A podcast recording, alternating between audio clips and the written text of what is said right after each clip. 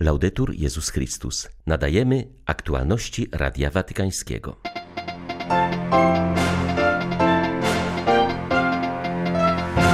Papież zapowiedział, że odprawi mszę na zakończenie Międzynarodowego Kongresu Eucharystycznego w Budapeszcie, a następnie pojedzie z wizytą na Słowację. Pandemia spowodowała w Indiach prawdziwą katastrofę edukacyjną, która znacząco pogłębi szeregi analfabetów, alarmuje pracująca w tym kraju dr Helena Pys.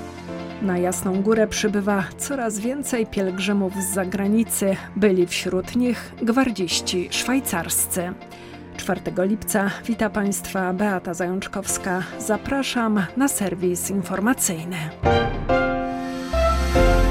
Bez otwartości na nowość i niespodzianki Boga, bez zadziwienia, wiara staje się nutną litanią, która powoli wygasa. Papież Franciszek mówił o tym w rozważaniu przed południową modlitwą Anioł Pański.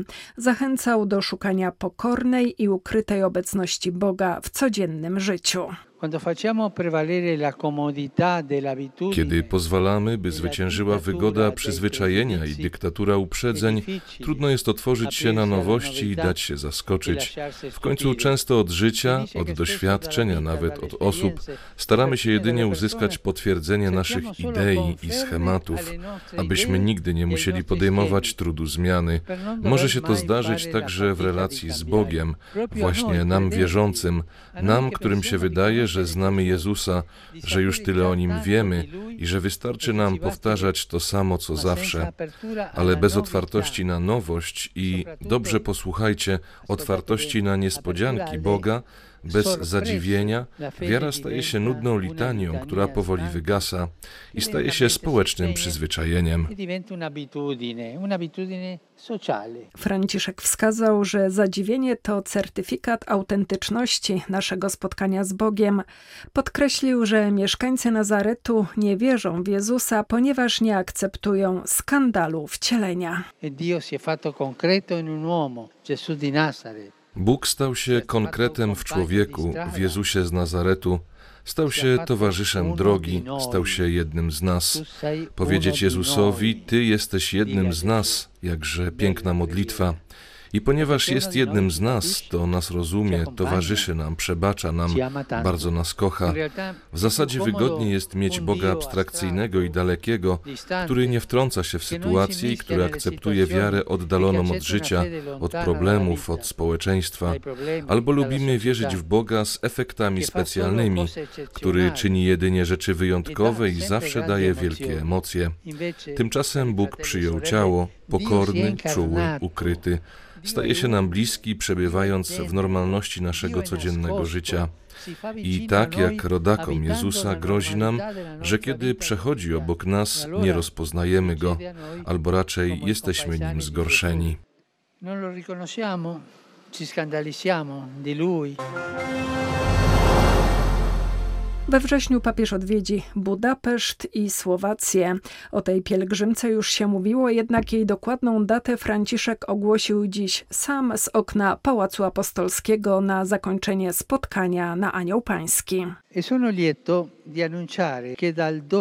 z radością ogłaszam, że w dniach 12-15 września bieżącego roku, jeśli da Bóg, udam się z wizytą duszpasterską na Słowację. Wcześniej w Budapeszcie będę współkoncelebrował mszę na zakończenie Międzynarodowego Kongresu Eucharystycznego. Serdecznie dziękuję wszystkim, którzy przygotowują tę podróż i modlę się za nich. Dyrektor Biura Prasowego Stolicy Apostolskiej poinformował, że 12 września rano papież weźmie udział w mszy wieńczącej Międzynarodowy Kongres Eucharystyczny. Następnie do 15 września Franciszek będzie na Słowacji, gdzie odwiedzi Bratysławę, Preszów, Koszyce i Szasztin. Dokładny program papieskiej pielgrzymki zostanie opublikowany w najbliższym czasie. Ugandyjscy wierni dziękują papieżowi za ustanowienie w kościele posługi świeckiego katechisty. W ich kraju brakuje księży. W niektórych wioskach msza odprawiana jest raz na 3-4 miesiące. W takich miejscach to właśnie katechiści podtrzymują wiarę, oferują pomoc duszpasterską i przygotowują do sakramentów. Gdy brakuje kapłana, dzięki świeckim katechistom zamiast niedzielnej mszy sprawowane jest nabożeństwo, podczas którego wierni słuchają Słowa Bożego i mogą przystąpić do Komunii Świętej. List Franciszka, w którym ustanawia posługę katechisty, umocnił naszą pozycję i utwierdził nas w posłudze. Za to jesteśmy papieżowi bardzo wdzięczni, powiedział Oola Bosko, ugandyjski katechista. Ofiarną pracę katechistów doceniają misjonarze. Na terenie mojej parafii znajduje się obecnie ponad 50 tysięcy uchodźców, nie licząc miejscowej ludności. Nie byłbym w stanie dotrzeć do każdego, gdyby nie 25 katechistów, którzy są moimi duszpasterzami, powiedział pracujący w Ugandzie przy granicy z Sudanem Południowym ksiądz Lazar Arasu. Salezjanin zauważył, że świeccy katechiści świetnie rozumieją problemy miejscowej ludności, z której zwykle się wywodzą i dzięki temu pomagają misjonarzom określić realne potrzeby duszpasterskie. Problemem z kolei jest niewystarczająca formacja katechistów. Kardynał Robert Sarach otrzymał doktorat honoris causa na Katolickim Uniwersytecie w Walencji. To pasterz, który zna gorycz prześladowania i radość wolnego świadectwa wiary Kościoła w Jezusa, powiedział w laudacji kardynał Antonio Canizares.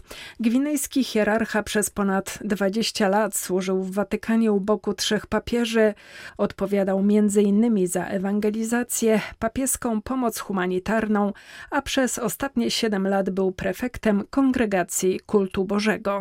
Słowem, które najlepiej definiuje kardynała Saracha jest milczenie. Bardzo ważna jest jego diagnoza współczesnego świata i Kościoła, która daleka od pesymizmu prowadzi do nowego zapału apostolskiego i nie ogranicza się do oferowania ludzkich rozwiązań, podkreślił kardynał Canizares.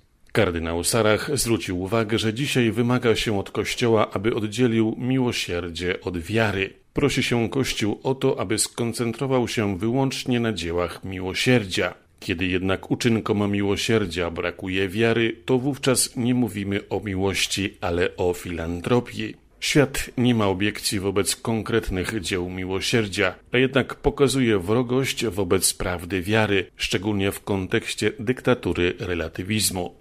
Wymaga się od Kościoła wyrzeczeń, dostosuj się do kryteriów świata, do chwilowych ideologii, do interesów tych, którzy rządzą. Oczywiście to przeszkodziłoby w realizacji największego dzieła miłosierdzia, jakim jest głoszenie Ewangelii, podkreślił kardynał Sarach.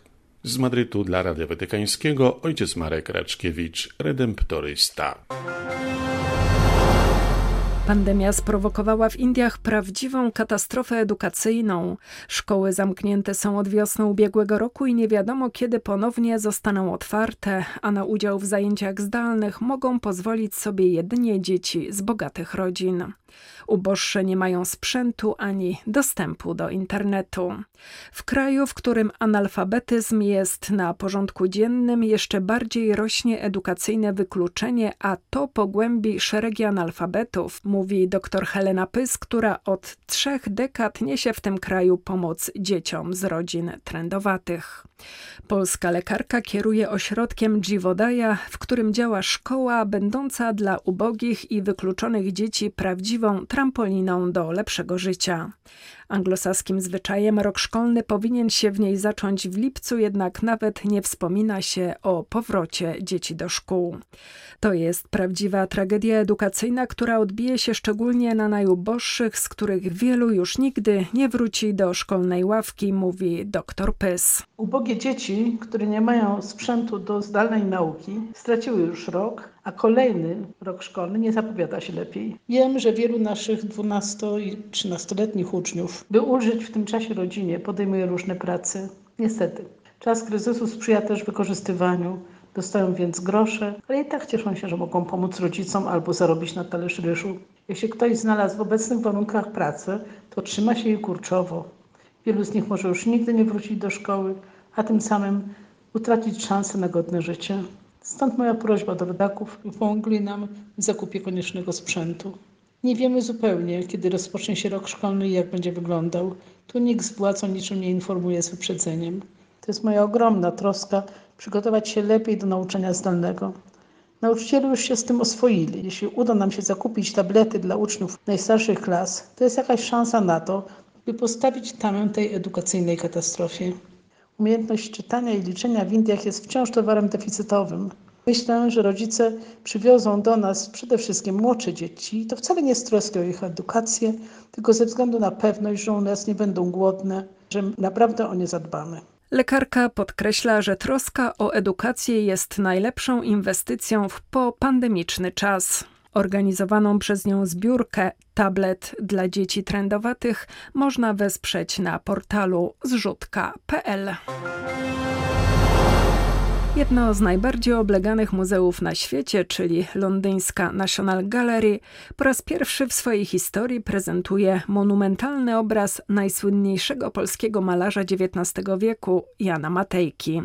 Prezentacja dzieła Astronom Kopernik, czyli rozmowa z Bogiem, cieszy się ogromnym powodzeniem. Niezliczona rzesza zwiedzających kieruje swoje kroki na kopernikańską wystawę.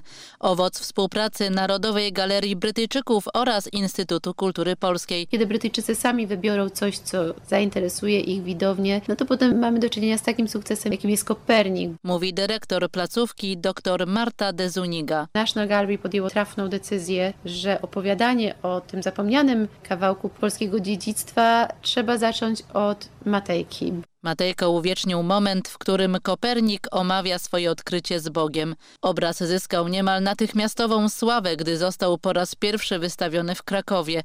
Rozpowszechniany w tysiącach reprodukcji, został wykupiony od Jana Matejki przez społeczeństwo i ofiarowany Uniwersytetowi Jagiellońskiemu.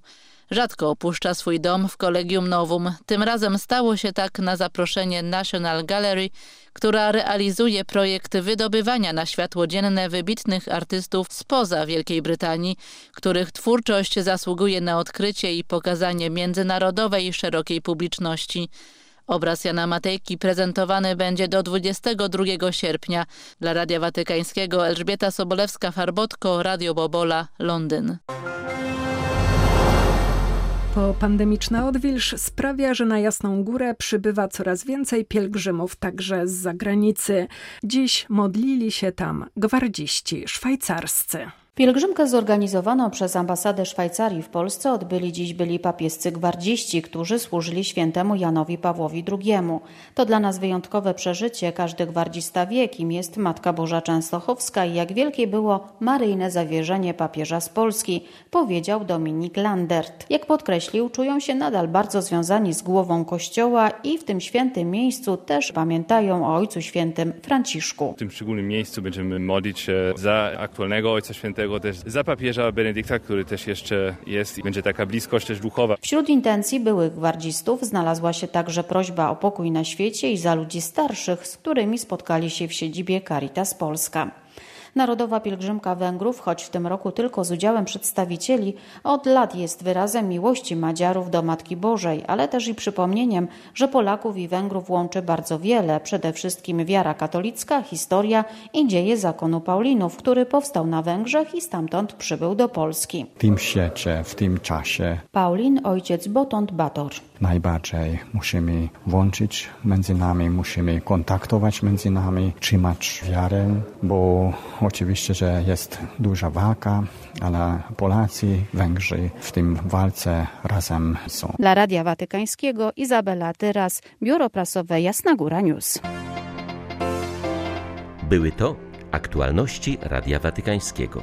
Laudetur Jezus Chrystus.